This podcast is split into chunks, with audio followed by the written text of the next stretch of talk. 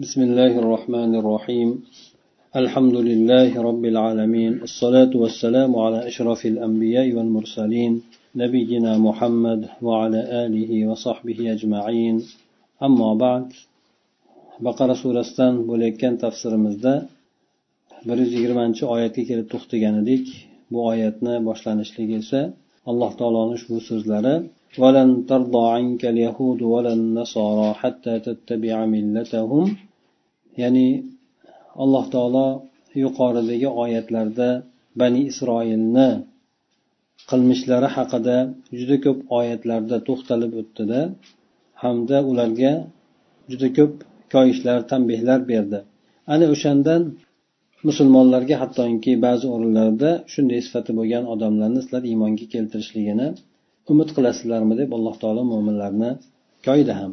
Mana bu o'rinda yana alloh taolo o'sha yahudlar haqida gapirib o'tadiki bani isroil yoki ahli kitoblar haqida gapirib o'tadiki ular sizdan ya'ni yahudlar bo'lsin nasorolar bo'lsin sizdan rozi bo'lishmaydi hattoki siz ularni millatiga ergashmaguningizgacha deb keltirib o'tadi mufassir aytadiki ay lan yardo ankal yahudu hatta tusbiha yahudiyan va lan nasara hatta tusbiha nasroniyan فتترك دين الإسلام وتتبع دينهم الأعوج وهذا حقيقة ينبغي أن يعيها المسلمون أنهم لن يرضوا عنا حتى ننسلخ عن إسلامنا ومهما توددنا إليهم وسايرناهم على قوانينهم وأنظمتهم فهم أعداء الإداء للإسلام ورسوله mufassir aytadiki ya'ni yahudlar siz yahudiy bo'lmaguningizgacha sizdan rozi bo'lishmaydi nasorolar ham siz nasroniy bo'lib ularni diniga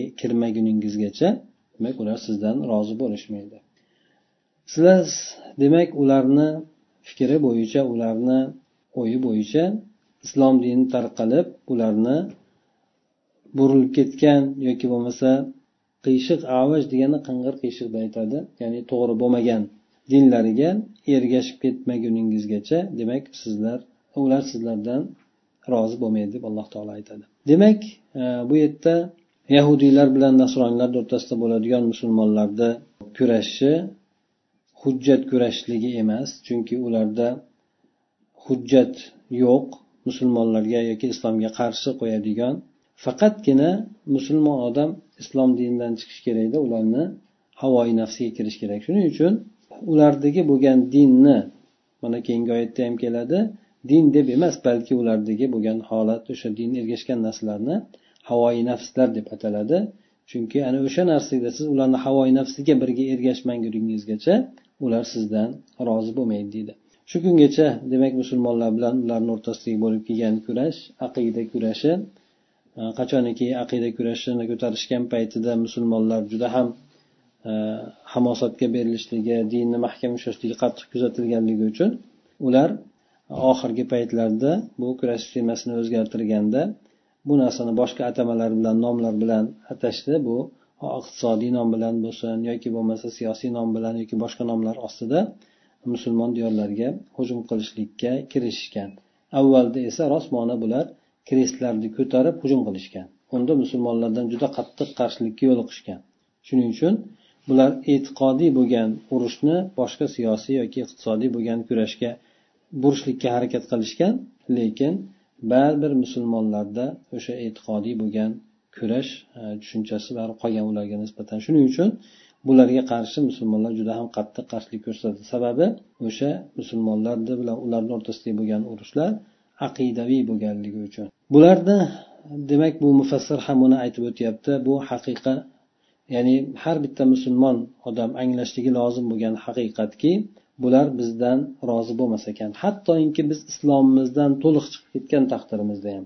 Qachon qanchalik biz ya'ni to'liq chiqib ketmagunimizgacha bular bizdan rozi bo'lmas ekan. Biz qanchalik ularga o'zimizni bir do'st qilib tutmaylik va ularni qonunlariga nizom sistemalariga e, bir xil ular bilan barobar suratda yurmaylik ho'p deb ularga orqasidan ergashib yurmaylik. Baribir bular bizdan rozi bo'lmaydi chunki bular islomni ham rasulini ham ashaddiy bo'lgan dushmanlaridir deydi. Shuning uchun alloh taolo bularni ya'ni gapni indallosini aytib qo'ydiki yahudlar ham nasorolar ham sizlar ularni diniga kirmagunlargacha rozi bo'lmaydi. Ming ular sizlarga taqdim qilayotgan yoki bo'lmasa aytaylik o'zgartirilgan islom bo'lgan taqdirida ham bu narsaga rozi bo'lishmaydi. Hattoki mana aytaylik turkiya sistemasi bularni qondiradigan sistema lekin o'shanga ham rozi bo'lmaydi. Nimaga?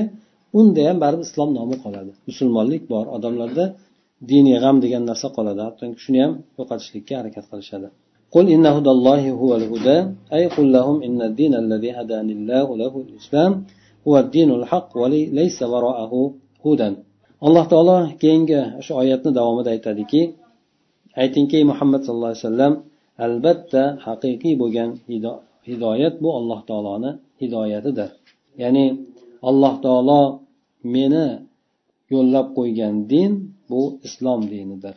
Islom dini esa haq dindir uni ortida hech qanaqangi undan boshqa to'g'ri yo'l yoki to'g'ri hidoyat yo'qdir. Faqatgina islom dinidagina haq hidoyat bordir. Endi sizlar meni chaqirayotgan narsalar esa yo nasroniylik dini bo'lsin yo yahudiylik dini bo'lsin bularni hammasi botil hamda zalolat bo'lgan yo'llardir. ولئن اتبعت أهواءهم بعد الذي جاءك من العلم ما لك من الله من ولي ولا نصير أي ولئن سايرتهم على أهوائهم الفاسدة بعد الحق الساتع المنزل إليك من عند الله فليس لك من يتولى أمرك أو ينصرك من عذاب الله وإقابه والخطاب والخطاب للمؤمنين. جاء بصورة الخطاب للرسول صلى الله عليه وسلم لأن من عادات الناس توجيه الخطاب إلى القائد bu yerda alloh taolo aytadiki agar siz ularni fosil bo'lgan ya'ni sizga alloh taolo tomonidan nozil qilingan aniq ravshan haqdan keyin sizga alloh taolo tomonidan nozil qilingan aniq ravshan haqdan keyin siz ularni buzuq bo'lgan havoyi nafslarga ergashib o'shalar bilan bir xil suratda yuradigan bo'lsangiz ana unda alloh taolo tomonidan bo'ladigan yordamdan mahrum bo'lasiz. Siz uchun e, ishingizni boshqarib turadigan boshqash bo'lib turadigan yoki bo'lmasa alloh taoloni azobidan iqob jazolaridan sizga yordam beradigan sizni qutqaradigan bironta bir kimsa bo'lmaydi. Demak siz agar ularni o'zingizni haq bo'lgan diningizni tashlab turib ularni havoyi nafslarga ergashib ketsangiz dedi. Demak ularda din yo'q. Nomigagina din xolos. Aslida ulardagi bo'lgan din ularni xohish istaklaridir. Chunki ular o'zlarini dinini xohish istaklariga ko'ra o'zgartirishgan. Xohlagan narsalarni qo'shishgan xohlagan narsalarni olib tashlashgan. Shuning uchun din ularni xohish istaklariga aylanib qolgan. Ana shuning uchun alloh taolo bu yerda keltirib aytdiki sizga din kelgandan keyin aniq bir haq kelgandan keyin ilm kelgandan keyin siz ularni xohish narsalarga ergashadigan bo'lsangiz deb aytdi. Demak ularni diniga emas balki xohish istaklariga deb aytildi. Ana unda alloh taolo tomonidan bo'ladigan hamma narsa siz uchun o'ziladi deb payg'ambar alayhisalomni ogohlantirdi. Bu yerdagi bo'lgan xitob aslida mo'minlarga garchi xitob payg'ambar sallallohu alayhi vasallamga xitob surati payg'ambar alayhissalomga kelgan bo'lsa ham. O'zi aslida sizdan rozi bo'lmaydi deganligi balki butun mo'minlardan rozi bo'lmaydi. Yoki siz ergashadigan bo'lsangiz degani butun mo'minlarga sizlar ergashsalaringiz degani. Chunki odamlarni odati shuki aslida xitobni boshliqqa yetakchi bo'lgan odamga yo'naltirishlik. Uni ostidagilar zimdan kirib ketadi. Asosan katta bir majmuaga gap yo'naltiradigan bo'lsa sizlar demasdan ko'proq boshliqni e'tiboriga olgan holatda gapiriladi. Gap esa hammaga tegishli bo'ladi. الذين آتيناهم الكتاب يتلونه حق تلاوته أولئك يؤمنون به. المراد به المؤمنون من أهل الكتاب كعبد الله بن سلام وأصحابه من الذين أسلموا من اليهود والنصارى أي هؤلاء الذين عرفوا الحق فاتبعوه من أهل الكتاب يؤمنون بالقرآن العظيم ولا يحرفون كلام الله ولا يبدلونه. هؤلاء هم الصادقون في إيمانهم دون الأشرار المحرفين لكلام الله. Yuqoridagi oyatda aytadiki kitab biz kitobni bergan kimsalar bular o'sha kitoblarni ya'ni biz bergan kitobni haqiqiy suratda tilovat etadilar. Ana o'shalar o'sha kitobga iymon keltirganlardir deydi. Demak bu yerdagi iroda qilinayotgan kimsa alladinadan iroda qilinayotgan kimsa ahli kitobdan iymon keltirganlardir. Bular mana abdulloh ibn salam u kishini sheriklariga o'xshaganlar. Bular yahudu nasorolardan musulmon bo'lgan kimsalar bo'ladi. Ya'ni bular haqni bilgan kimsalar. Ana o'sha haqni bilib turib ahli kitoblardan iborat o'sha haqni bilib unga ergashgan kimsalardir. Bular o'sha o'zlarini kitobiga haqiqiy suratda ergashganligidan qur'oni karimga ham iymon keltiradilar. Bular alloh taoloni kalomini hech qanday bir tahrif qilmaydilar o'zgartirmaydilar o'rinlarini ham almashtirmaydilar. Ana ular rostakamiga iymonlarida sodiq bo'lgan kimsalardir. Bular alloh taoloni kalomini o'zgartirib turuvchi yomon kimsalar emasdirlar. Ya'ni ulardan boshqa iymonida sodiq bo'lgan kimsalardir.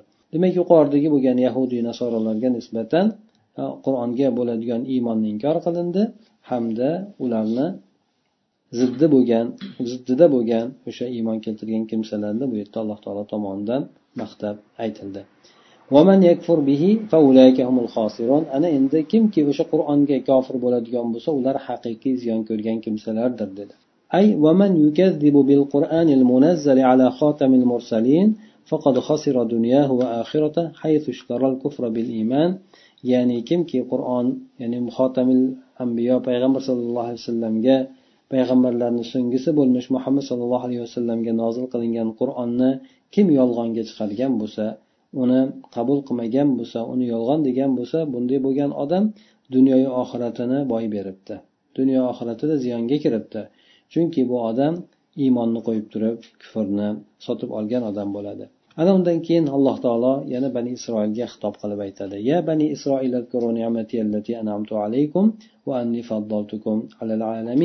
تذكير لليهود بنعم الله الجليلة عليهم. أي تذكروا يا معشر اليهود ما أنعمت به عليكم من أنواع النعم التي لا تحصى. واشكروا ربكم عليها ومعنى تفضيلهم على العالمين أن بني إسرائيل الذين آمنوا بموسى عليه السلام وتمسكوا بالتوراة هم أفضل عالمي زمانهم وليسوا أفضل الأمم على الإطلاق. فأمة محمد صلى الله عليه وسلم خير الأمم بالنص القاطع. Aytadiki bu yerda alloh taolo ey bani isroil qavmi sizlar men sizlarga inom etgan ne'matlarni eslanglar va men sizlarni butun olamlardan afzal qilib qo'ygan edim deydi. Bu yerda alloh taolo yahudlarga o'zini ularga bergan buyuk ne'matlarini eslatyapti. Ya'ni aytyaptiki ey yahudlar jamoasi men sizlarga inom etgan behisob bo'lgan turli tuman ne'matlarni esga olinglar. Ana o'shalarga ko'ra robbilaringizga shukrona aytinglar. Demak alloh taolo bu oyatni yuqoridagi baqara surasini avvalrog'ida ham buni aytib o'tgan edi. U yerda o'sha yerdagi oyatlarni ularga o'sha yerdagi ne'matlarni eslatishlik bo'lsa undan keyin qancha ne'matlarni zikr qilib o'tgan bo'lsa mana bu oyatda yana bir qator eslatma berdiki ey bani isroil sizlar alloh taoloni sizlarga bergan juda ko'plab ne'matlarini eslaringizga olinglar. Yana shu ne'matlarni jumlasidan alloh taolo sizlarni butun olamlarni ustida afzal qilib qo'ygan edi. Ya'ni ularni olamlarni ustida afzal qilib qo'yganligini ma'nosi shuki o'sha muso alayhissalomga iymon keltirib tavrotni mahkam tutgan bani isroil qavmi bular o'zlarini zamonasidagi olamdagi odamlarni eng afzali bo'lgandi o'zini zamonasidagi. Bular mutlaq suratda hamma xalqlarni afzali bo'lmagandilar emaslar. Muhammad sallallohu alayhi vasallamni ummatlari esa qat'iy bo'lgan u ibora bilan qur'onda keltirilgan ibora bilan butun ummatlarni eng yaxshisi bo'ldilar. Ya'ni bani isroilni alamin butun olamlarga afzal qilib qo'yganmiz degani o'sha bir zamonda bo'lganda u bo'lib o'tib ketib bo'lgan. O'sha paytda ularni iymon keltirganligi uchun boshqa odamlarga nisbatan bir tavrotni mahkam tutganligi uchun alloh taoloni kitobini lozim tutib payg'ambarlarga ergashganligi uchun bularni o'sha davrlarda afzal odamlar qilgan ekan lekin qachoniki bu ummat kelib ular payg'ambarlardan butunlay uzoqlashib ketgan paytlarida yaxshilik bu ummatga o'tib ketdi. Shuning uchun alloh taolo aytadiki kuntum ummatin sizlar odamlar uchun chiqarilgan eng yaxshi ummat bo'ldilaringiz. Ya'ni bu bu ummat haqidadir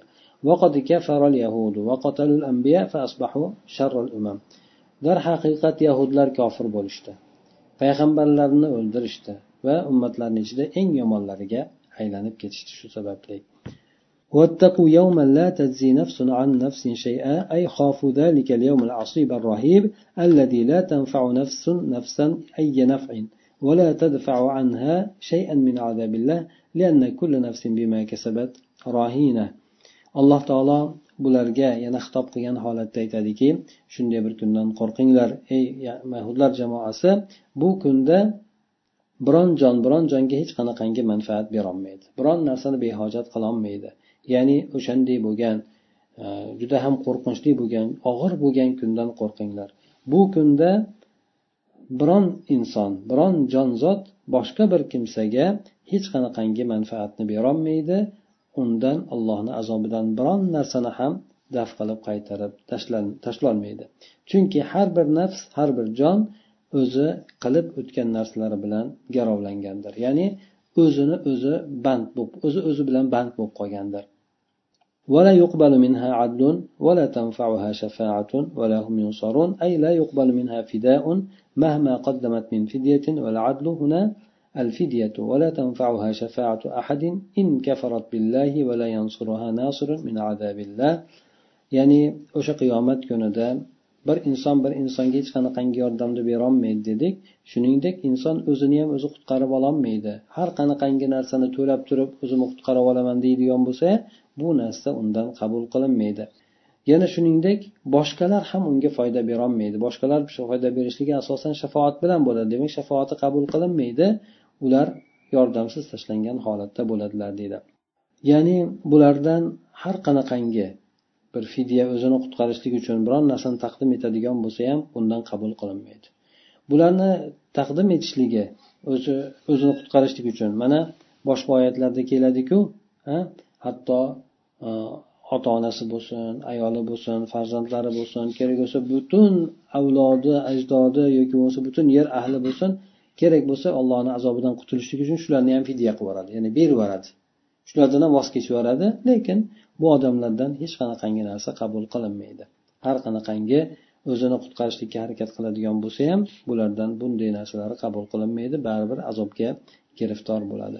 Bironta odam o'rtaga tushadigan bo'lsa ularni shafoati ham qabul qilinmaydi. Sababi alloh taologa kofir bo'lganligidir. Hamda bularga allohni azobidan bironta yordam beruvchi yordam ham berolmaydi ularga ana undan keyin alloh taolo boshqa bir mavzuni boshqa tomonga burib aytadiki وإذ ابتلى إبراهيم ربه بكلمات فأتمهن أي كلفه ربه بتكاليف شاقة واختبره بأوامر ونواهي فأداهن على وجه الكمال والتمام وقام بهن خير قيام من هذه التكاليف والمحن هجرته من الوطن وما ابتلي به من ذبح ابنه إسماعيل حين أمر بذبحه وصبره على ما قذفهم على قذفهم له بالنار liyahriquhu alloh taolo mana bu oyat karimadan demak ibrohim alayhissalomni qissasini ibrohim alayhissalom haqida gapirib o'tadi vaqtiki ibrohim alayhissalomni alloh taolo turlik imtihonlar bilan imtihon qilib ko'rdi lekin bu imtihonlardan ibrohim alayhissalom mukammal suratda o'tdi deydi. Demak alloh taolo ibrohim alayhissalomni turlik mashaqqatlik qiyinchiliklar bilan taklifotlar bilan alloh taolo ibrohim alayhissalomni sinadi. Bu kishini ba'zan buyurib ba'zan esa qaytarib imtihon qildi. Ibrohim alayhissalom o'shalarni hammasini to'liq mukammal suratda ado etdi va juda chiroyli suratda bajardi. Ana o'sha alloh taolo tomonidan ibrohim alayhissalomga qilingan taklifotlar bo'lsin mehnat qiyinchiliklar bo'lsin u kishi ibrohim alayhissalomga nisbatan bular jumla shulardan iboratki jumladan birinchi ibrohim alayhissalomni vatanidan yurtidan hijrat qilishligi. Ibrohim alayhissalom hijrat qiladi. Chunki o'sha paytdagi bo'lgan zolim zolim podshoni sababidan bu kishi yurtidan hijrat qiladi. Shuningdek ibrohim alayhissalom farzandi ismoil alayhissalomni so'yishlikka buyurilgan paytida so'yishlik bilan imtihon qilinadi. Bu imtihondan ham juda ajoyib o'tadi. Shuningdek yana u kishi hayoti mobaynida o'tga tashlanishlikdagi sabri bo'ladi. Bu bilan ham imtihon qilinadi. Ya'ni sabr qiladimi yoki yo'qmi deb mushriklar u kishini o'tda yondirib yuborishlik uchun o'tga tashlashgan edi mana shu demak bundan tashqari boshqa taklifotlarni ham ibrohim alayhissalom ustiga beriladi ibrohim alayhissalom bular bilan imtihon qilinadi lekin hammasidan o'tgandan keyin alloh taolo aytadiki qola inni jailuka linnasi imama ay قال له ربه سأجعلك قدوة للناس ومنارا يهتدي بك الخلق alloh taolo aytadiki albatta men sizni odamlar uchun butun odamlar uchun imom qilaman dedi. Imom qilguvchiman dedi. Ya'ni sizni odamlar uchun namuna o'rnak qilaman. Hamda odamlar siz bilan hidoyat topadigan bir belgi yoki bo'lmasa nur qilib qo'yaman deb alloh taolo aytdi. Demak ibrohim alayhissalomga alloh taolo imtihonlarni qattiq bergan imtihonlardan juda ajoyib o'tganligi uchun bu kishiga alloh taolo mukofotni ham yuqori qilgan. Hattoki bu kishini o'ziga yaqin eng yaqin do'st qilib oldi ya'ni xulla mansabini oldi yoki xulla darajasini oldiki bu faqatgina insonlardan ikki kishiga nasib etgan bu birisi ibrohim alayhissalom bo'lsa ikkinchisi muhammad sollallohu alayhi vasallamdir قال ومن ذريتي قال لا ينال أحد الظالمين أي قال إبراهيم واجعل يا رب أيضا من ذريتي أئمة أئمة هدى قال الله له لا ينال يا إبراهيم هذا الفضل ظالم ولا كافر لأن النبوة أمانة والظالم لا يصلح لحمل هذه الأمانة ibrohim alayhissalomga alloh taolo va'da qilgandan keyin ya'ni butun insonlarni ustida sizni imom qilaman ularga o'rnak qilaman degandan keyin ibrohim alayhissalom zurriyoti haqida o'ylandi nafaqat mendan parvardigor olam balki zurriyotimdan ham o'shanday bo'lgan kimsalarni chiqargin dedi lekin alloh taolo aytdiki istisno qilgan suratda meni bunday bo'lgan ahdim ahdimga zolimlar erisholmaydi.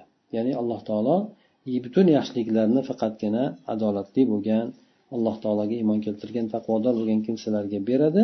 Shu jumladan payg'ambarlikni ham lekin zulm qiluvchi bo'lgan kimsalar garchi ozmi ko'pmi zulm bo'lgan kimsalar payg'ambarlik darajasiga erisholmaydi.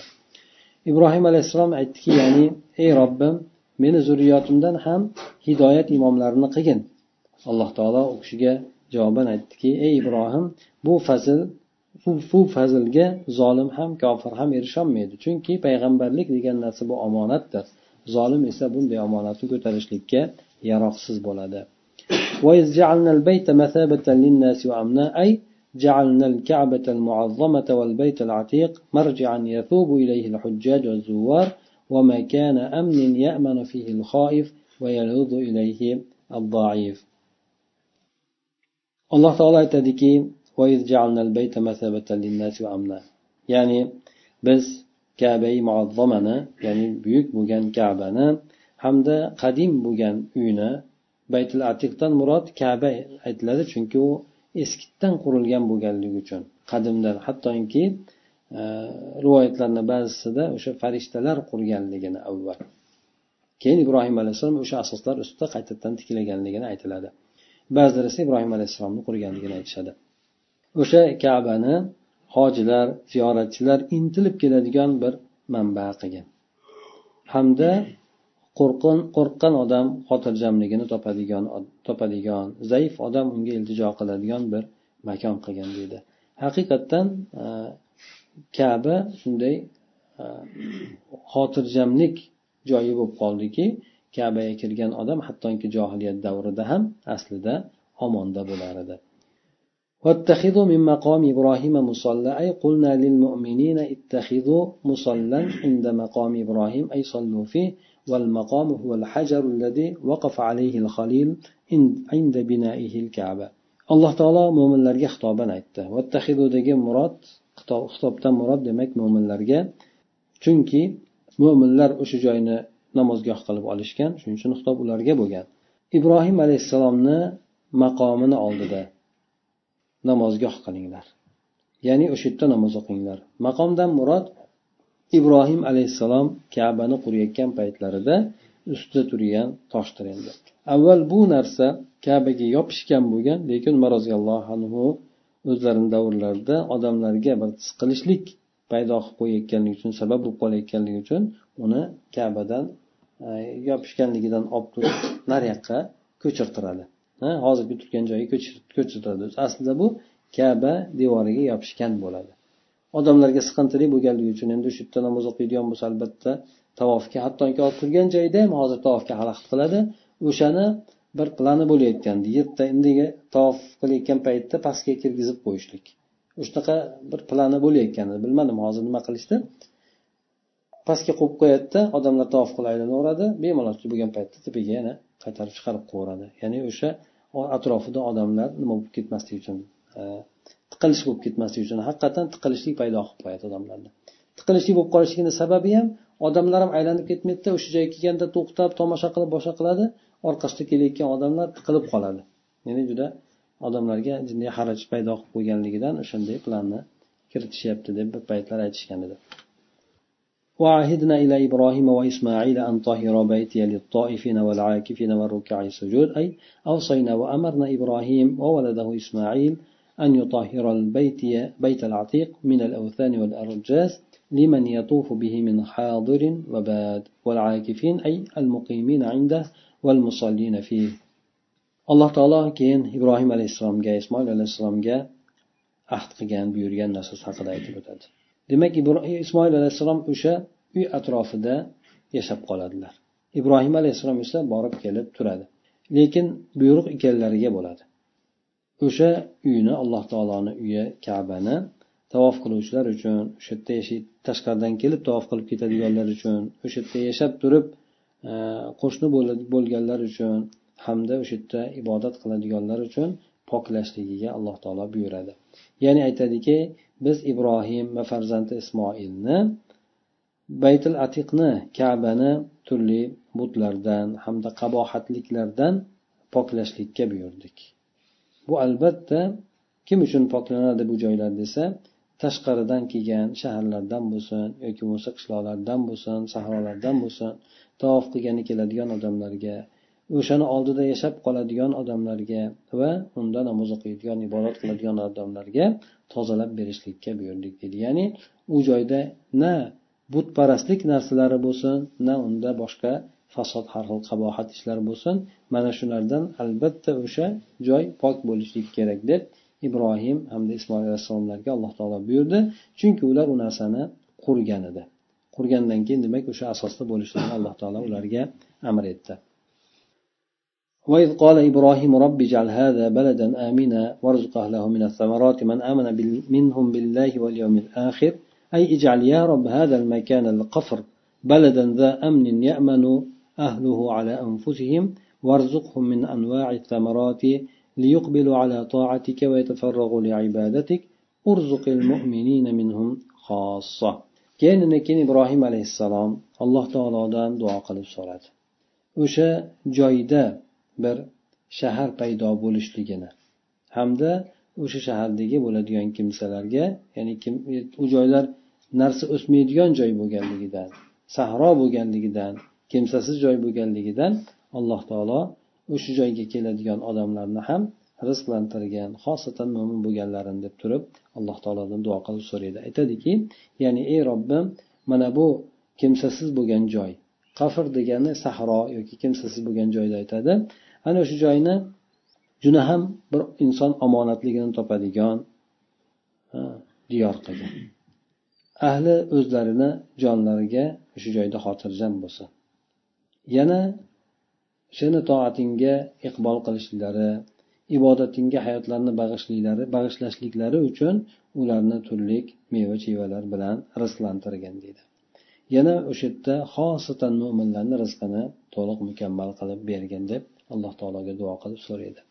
Demak ibrohim alayhissalom bilan hali ismoil alayhissalom qurayotgan paytlarida unaqa odam ko'p bo'lmagan avvalda ismoil alayhissalomni kichkina yoshligida tashlab ketgan bo'lsa keyin sekin sekin ismoil alayhissalom katta bo'lishni boshlaganligida boshqa joydan kelganlar yo'lda o'sha joyda e, quduqni ko'rganligidan atrofiga kelib ruxsat so'rashadi. E, hojar onamizdan hojar onamiz ruxsat beradi lekin shart o'sha suv sizlarniki bo'lmaydi deb. Ya'ni suvga hukmronlik o'sha ismoil alayhissalomni o'zlarida qolishligini aytadi. Shu narsaga rozi bo'lib turib o'sha atrofda keyin lekin bir qancha odamlar kelib sekin sekin ko'payishni boshlaydi. O'sha paytda o'zinglar ibrohim alayhissalom o'sha joylarda kabani quradida hamda o'sha joyni bir alloh taolodan shahar qilishligini kim o'sha joyga keladigan bo'lsa omonlikda xotirjamlikda bo'lishligini aytib o'tdik. Hech narsa o'smaydigan sahro bo'lgan joyda odamlarni oziq ovqat o'ylantiradi. O'sha narsalarni alloh taologa duo qilib aytdiki o'zing turli tuman mevalar bilan ularni rizqlantirgin deb aytdi. Ular toinki seni ibodatingga mahkam bo'lsin o'sha joyda. Bo'lmasa odamlar kelmaydida oziq ovqat bo'lmasa qayerdan keladi. U paytlarda moshina yo'q ediki darrov borib turib bir joydan olib kelsa endi. lekin ibrohim alayhissalomni duolari samarasi bilan hozir u joylarda yaqin zamonlargacha boshqa joylarda topilmaydigan meva boshqa narsalar ham o'sha joyda bo'lardi hozirgi hamma joylarda tarqalib ketdiyu lekin yaqin zamonlargacha boshqa joylarda topilmaydigan meva chevalar ham o'sha yerda bo'lardi bu shu ibrohim alayhissalomni degan duolarini barakatidan allohu alam alloh taolo aytadi قال ومن كفر فأمتعه قليلا ثم أضطره إلى عذاب النار وبئس المصير kim kofir bo'ladigan bo'lsa ham uni rizqini beraman dedi alloh taolo. Chunki alloh taolo maxluqotlarni yaratgandan keyin hammasini rizqini zimmasiga oldi. Bu kofir bo'lsin musulmon bo'lsin hayvon bo'lsin hammasini rizqini zimmasiga oldi. Ibrohim alayhissalom tabiatan o'zlari mo'min bo'lganligidan allohga ibodat qilganligidan faqatgina o'sha mo'minlarni o'zigagina rizq so'radi xolos.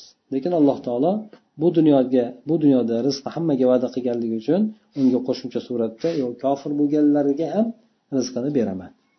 Lekin bular faqatgina o'sha joyda ozginagina foydalantiraman xolos. Ozgina ya'ni dunyoda. Dunyo demak ozginagina bo'lgan vaqt hisoblanadi qancha bo'lishidan qat'iy nazar.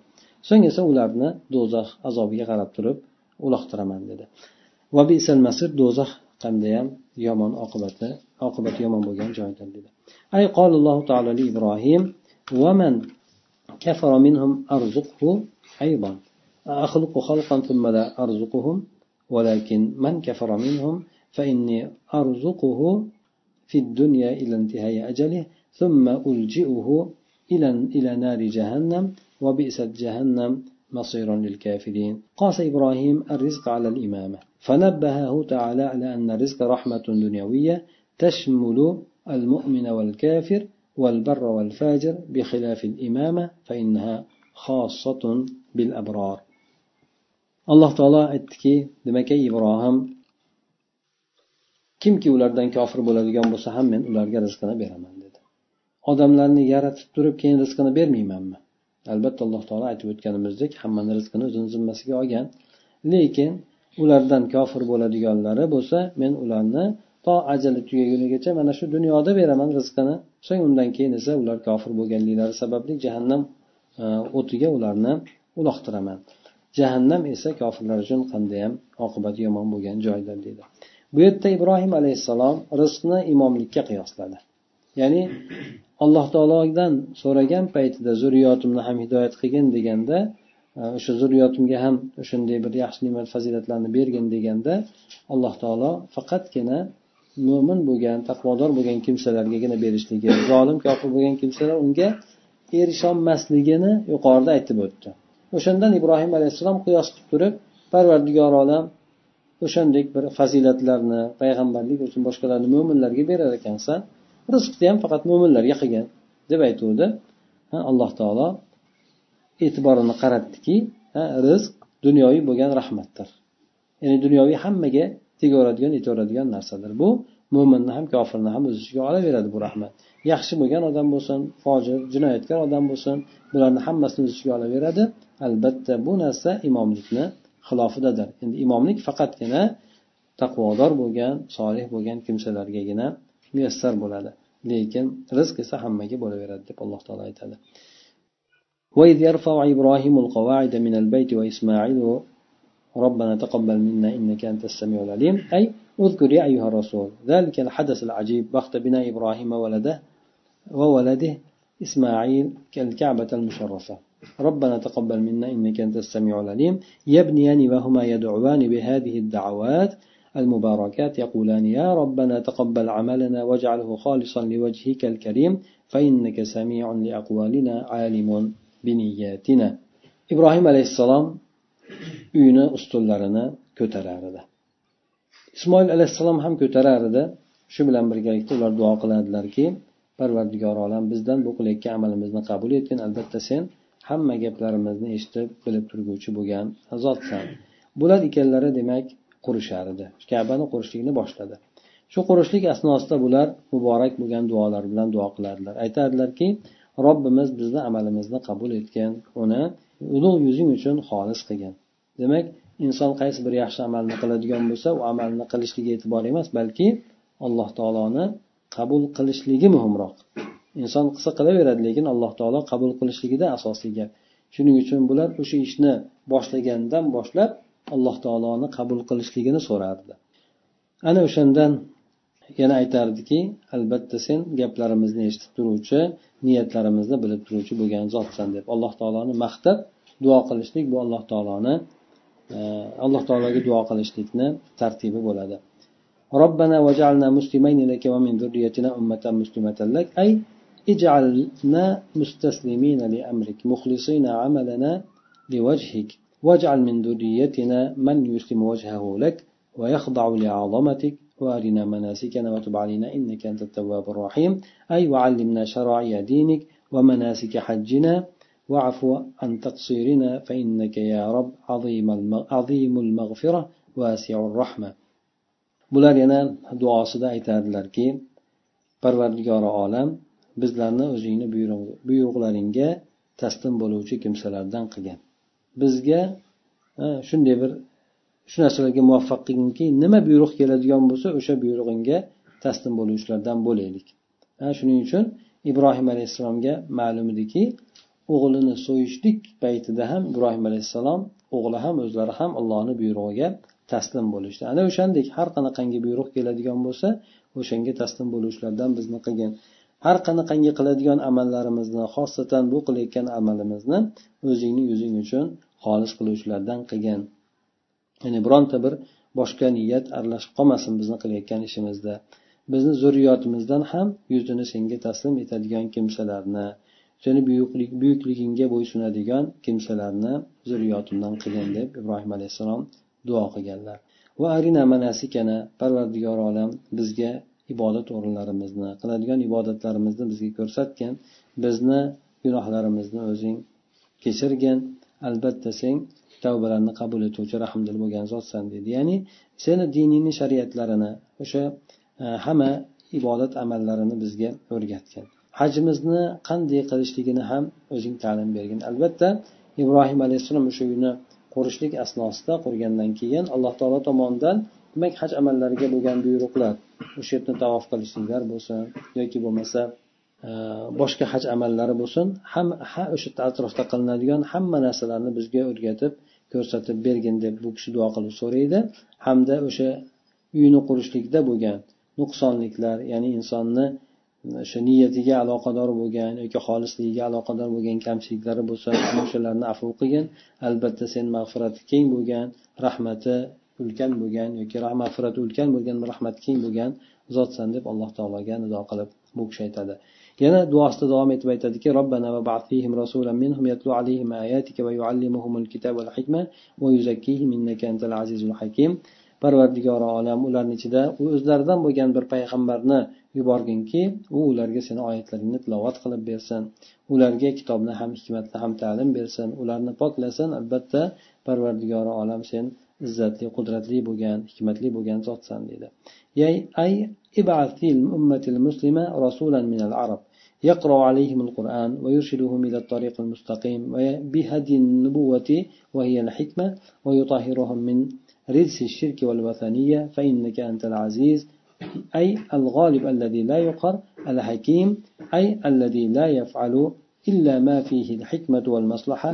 وقد استجاب الله دعاءه فبعث في أمة العرب محمدا خاتم المرسلين صلى الله عليه وسلم ختم به الرسالات assamaviya demak bu kishi duolarida davom etib aytadilarki parvardigori olam musulmon ummatini ichida arablardan bir payg'ambarni yuborgin dedi. Arablardan deyilishligini sababi chunki ismoil alayhissalom birga bo'lganda ishoq alayhissalomni zurriyotidan alloh taolo juda ko'p payg'ambarlarni yuborgan.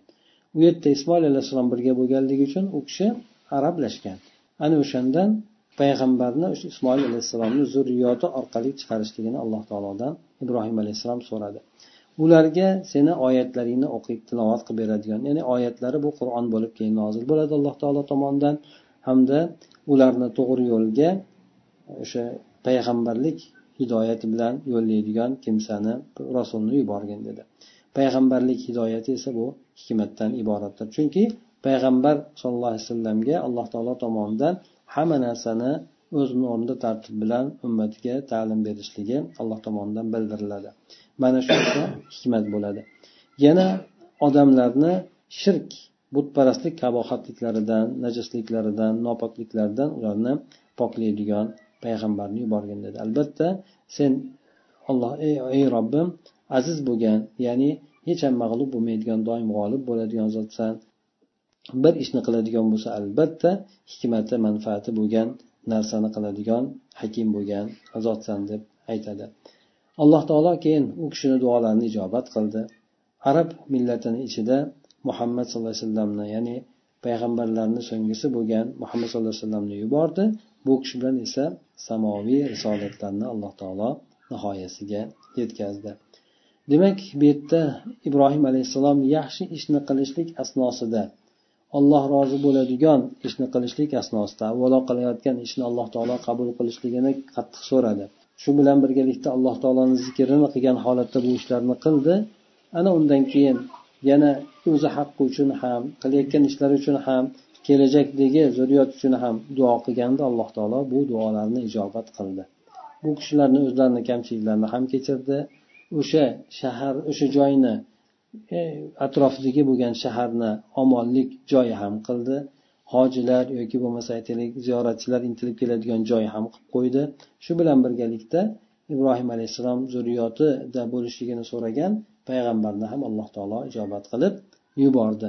Mana shu narsalarni ya'ni yaxshilik amalni qilishlik asnosida inson allohdan duo qilib so'raydigan bo'lsa alloh taolo ko'proq u duolari ijobat u duolarni ijobat qilishligi bo'lar ekan qachoniki u qilayotgan amalda xolislik bo'ladigan bo'lsa ana undan keyin alloh taolo aytadiki لما ذكر تعالى مآثر الخليل إبراهيم وقصة بنائه للبيت العتيق منار الإيمان منار الإيمان أو التوحيد ذكر بعده سفه سفه من خالف دينه وشرعه أي لا يرغب عن دين إبراهيم وشريعته الحنيفية السمحاء إلا الأحمق السفيه ya'ni aytadiki bu yerda alloh taolo kimki endi ibrohim alayhissalomni millatidan yuz o'giradigan bo'lsa bu albatta o'zini ahmoq sanagan odam bo'ladi ya'ni alloh taolo halil ibrohim alayhissalomni asoratlarini zikr qilib o'tgach u kishi qilib o'tgan ishlarini zikr qilib o'tgach hamda kabani qurishlik paytidagi bo'lgan qissasi ya'ni kabaiki u iymon tavhid manbasi bo'lgan kabani binosiniga qissasini zikr qilib o'tgach ana o'shani izidan aytdiki kimki ibrohim alayhissalom olib kelgan diniga u kishi olib kelgan shariatga muxolif bo'ladigan bo'lsa bu odam ahmoq bo'ladi ya'ni ahmoqligini zikr qilib o'tdi. Ya'ni qaysi bir inson ibrohim alayhissalomni dinidan rag'bat qilmabdi. Ya'ni dinidan rag'iba an kelsa yuz o'giribdi degan ma'nosida bo'ladi. Rag'iba fi kelsa qiziqibdi degan ma'nosi bo'ladi. Ya'ni bir biriga teskari bo'lgan ma'no. Bu yerda ibrohim alayhissalom dindan yuz o'giradigan u kishini olib kelgan samimiy to'g'ri bo'lgan haqdagi bo'lgan shariatidan yuz o'giradigan bo'lsa bu odam albatta ahmoq tentak odam bo'ladi deb yuqorida zikr qilib o'tadi.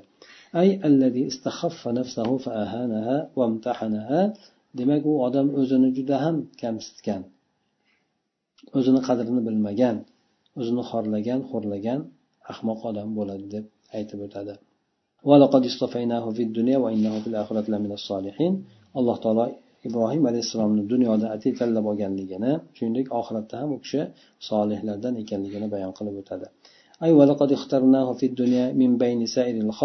أي ولقد اخترناه في الدنيا من بين سائر الخلق بالخلة والنبوة والإمامة العظمى وإنه في الآخرة من أصحاب الدرجات العالية لصلاحه ودينه ya'ni alloh taolo u kishini dunyoda butun maxluqotlarni orasidan tanlab oldi tanlab olganligi halillik bilan payg'ambarlik bilan judayam katta imom bo'lishlik odamlarga namuna bo'lishlik bilan alloh taolo u kishini alohida tanlab oldi bu kishi albatta oxiratda dunyo e, butun oliy bo'lgan darajat ashoblaridan bo'ladi ya'ni solih bo'lganligi din diyonati bo'lganligi sababli oliy darajalarni egallagan kimsalardan bo'ldi وإذ قال له ربه أسلم قال أسلمت لرب العالمين أي استسلم لأمر ربك يا إبراهيم وأخلص نفسك لرب العزة والجلال قال أسلمت لله وخضعت لحكمه لحكمه alloh taolo aytdiki vaqtiki eslang ey muhammad sallallohu alayhi vasallam ya'ni ibrohim alayhissalomga alloh taolo aytdiki ey ibrohim robbingizni amr buyruqlariga taslim bo'ling. O'shalarga to'liq suratda bo'ysuning. Yana shuningdek azizlik ulug'lik robbisiga o'zingizni butun xolis qiling. Shunday deb buyruq bo'lganida ibrohim alayhissalom tomonidan javob bo'ldiki men olloh uchun taslim bo'ldim va allohni hukmlariga bo'ysundim deb. Demak inson qanchalik alloh taoloni buyruqlarini ulug'lar ekan? U narsaga taslim bo'lib ixlos bilan kirishar ekan alloh taolo tomonidan munosib mukofotga erishar ekan. Bu mana ibrohim alayhissalom shunday narsalarni boshdan kechirib allohni buyruqlariga bo'ysunganligi uchun insonlarni ichida eng yuqori darajalardan birisiga yetdi erishdi. Xuddi shuningdek alloh taolo aytdiki bu kishini butun insonlarga namuna qilamiz dedi. Namuna qilaman. Namuna qilishligi demak inson o'sha kishidan o'rnak olib alloh taolo tomonidan keladigan har qanaqangi buyruqlarga taslim bo'lishligi ibrohim alayhissalomga o'rnak ibrohim alayhissalomdan o'rnak olganligini anglatadi.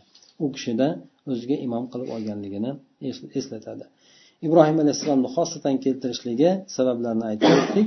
Chunki bu kishiga alloh taolo alohida e, imtihonlarni berganligi avvalgi payg'ambarlarga bermagan darajada imtihonlarni berganligi undan tashqari bu kishi imtihonlardan juda munosib o'tganligi nafaqat o'zini balki butun zurriyotini g'amini qilganligi hamda payg'ambar sallallohu alayhi vasallam ham o'zi aytadilarki men bobom ibrohim alayhissalomni duolarini samarasiman deb ya'ni alloh taologa duo qilib so'raganligidan muhammad sallallohu alayhi vasallamni ham keltirib alloh taolo yuborganligi. Ana o'shandek u kishini e, ishlari sababli alloh taolo bu kishiga juda ham yuqori bo'lgan darajani berdi. Bu halilligida deb aytib o'tdik. Halillik demak kishiga nasib qilgan bo'lsa birisi ibrohim alayhissalom bo'ldi. Shuning uchun ibrohim alayhissalomni millati ibrohim alayhissalomni ummati deb aytib o'tilishligini sababi ham shu bu kishi rosmona tavhidda bo'lganligi hamda imtihonlardan juda ham ajoyib suratda o'tganligi boshqalarga ham namuna bo'lganligi. Shuning uchun inna ibrohim ummatan qoniza ibrohim alayhissalom o'zlari yolg'iz bir suratda ummat bo'lganlar deydi. Ya'ni ummatda topilishligi mumkin bo'lgan sifatlar ibrohim alayhissalomda mujassam edi deydi ummat bilasizlar ya'ni bir qancha kimsalardan iborat ularda har xil qobiliyatlar har xil holatlar ya'ni nimalar qobiliyatlar bo'ladi ana o'sha narsalarni hammasi ibrohim alayhissalomda mujassam bo'lgan shuning uchun ibrohim alayhissalomni yolg'iz o'zlarini ummat degan deb aytib o'tadi سبحانك اللهم وبحمدك نشهد أن لا إله إلا أنت نستغفرك ونتوب إليك اللهم انفعنا بما علمتنا وعلمنا ما ينفعنا وزدنا علما